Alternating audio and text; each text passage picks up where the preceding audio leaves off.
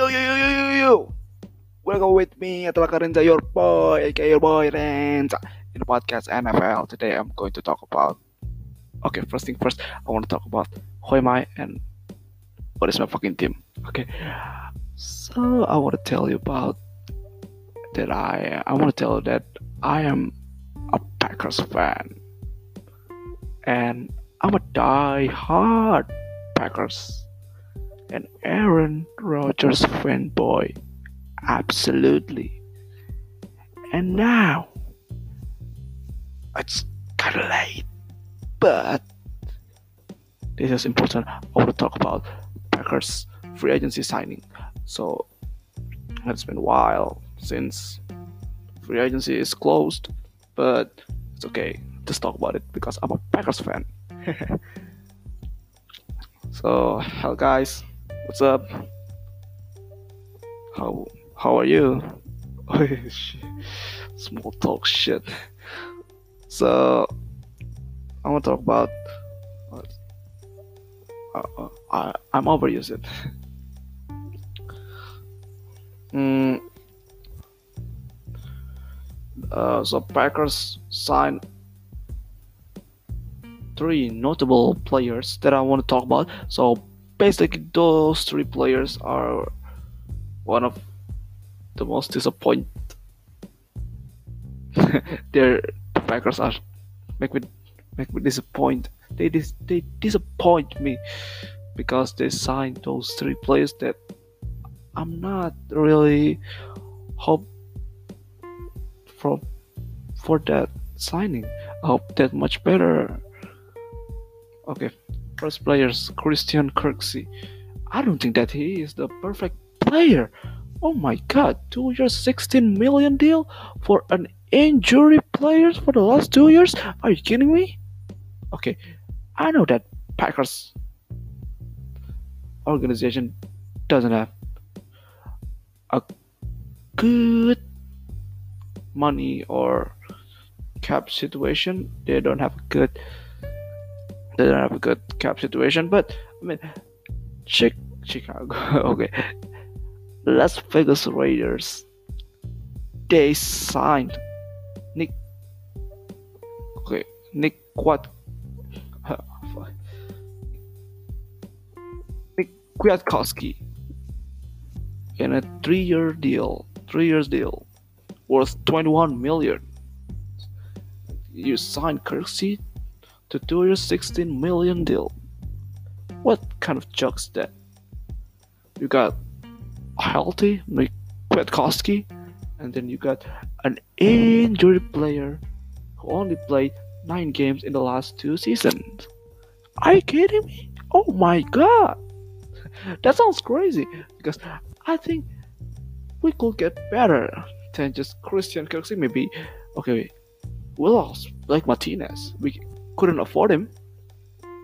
So, at least we got to replace him with the same quality because last season Blake Martinez is all over the field.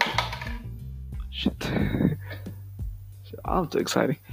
Except the last game. Except except the 49ers game. We played them two times. In the regular season and the NFC Championship. Blake Martinez is gone. Because basically we got an average inside linebacker corps. And then we have to rebuild it. We have to, you know, like we have what what is the perfect word? We have to upgrade it. okay, we have to upgrade it. Maybe some kind of Cordell Littleton. okay, we cannot afford it, but you could draft a tackle. A right tackle is fine. Okay, Aaron Rodgers not patient with an with a rookie player, but I mean, you got a cheap deal. Rick Wagner is coming off bad season with the Lions. That's why they cut him. That's why they signed a better tackle from the Eagles, Vaitai. And I will talk about Rick Wagner later. We'll talk about Kirksey. I mean, you should get Nick Kwiatkowski. He's a better player, and then he want to play in a great deal because the money for Kirksey is not good, and according to some web sport webs website, they're ranked with a D. They graded with a D. These are fucking bad. Come on, man. Okay, second player. Rick Wagner, you replaced Brian Bulaga, a borderline Pro Bowl tackle for Rick Wagner coming off a bad season from Detroit Lions. And do you think that he could replace it? Oh my god. I overused that. Oh my god. Words, phrase. But I mean okay tackle is an investment. Okay, you have to pay tackle maybe 10 millions a year. That's the standard. That's the standard now. 10 millions for uh for a good tackle is a must. But we couldn't afford it, so we're trying to replace it. We're going to fill the hole, not with the same material, but with a more unreliable material. It's like crazy, man.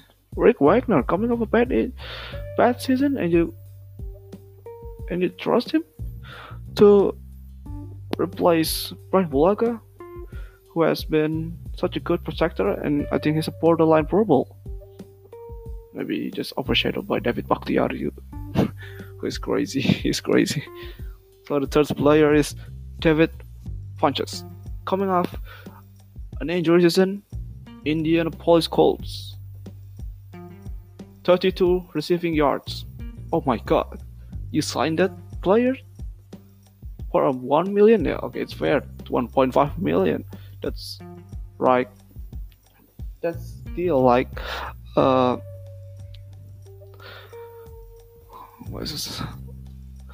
That's a deal for a player who is coming off a bad season and they try to prove their worth once again because Devin Funchess was signed with the Colts with a big money.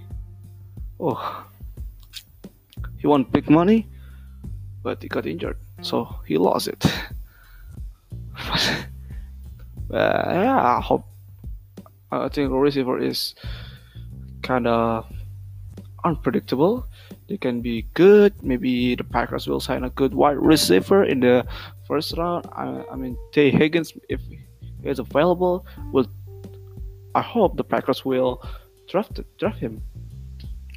And yeah, overall, I got disappointed by the Packers for for this signing. This is mess. I hope we got a gem on the third or fourth round from the draft, and we got a an okay rookie linebacker. Maybe we got a like Darius Leonard like situation where they called drafted drafted him with a with a low maybe second or third round. I forgot it, but I hope we got it. That I love that Oregon linebacker. Uh, I forgot the name, but overall I got disappointed. So that's our podcast episode today. If you like it, share to your friend. And if you want to contact me, just DM me uh, in Instagram at Zimron. Uh, spell it Z I M R O N. So stay safe, guys.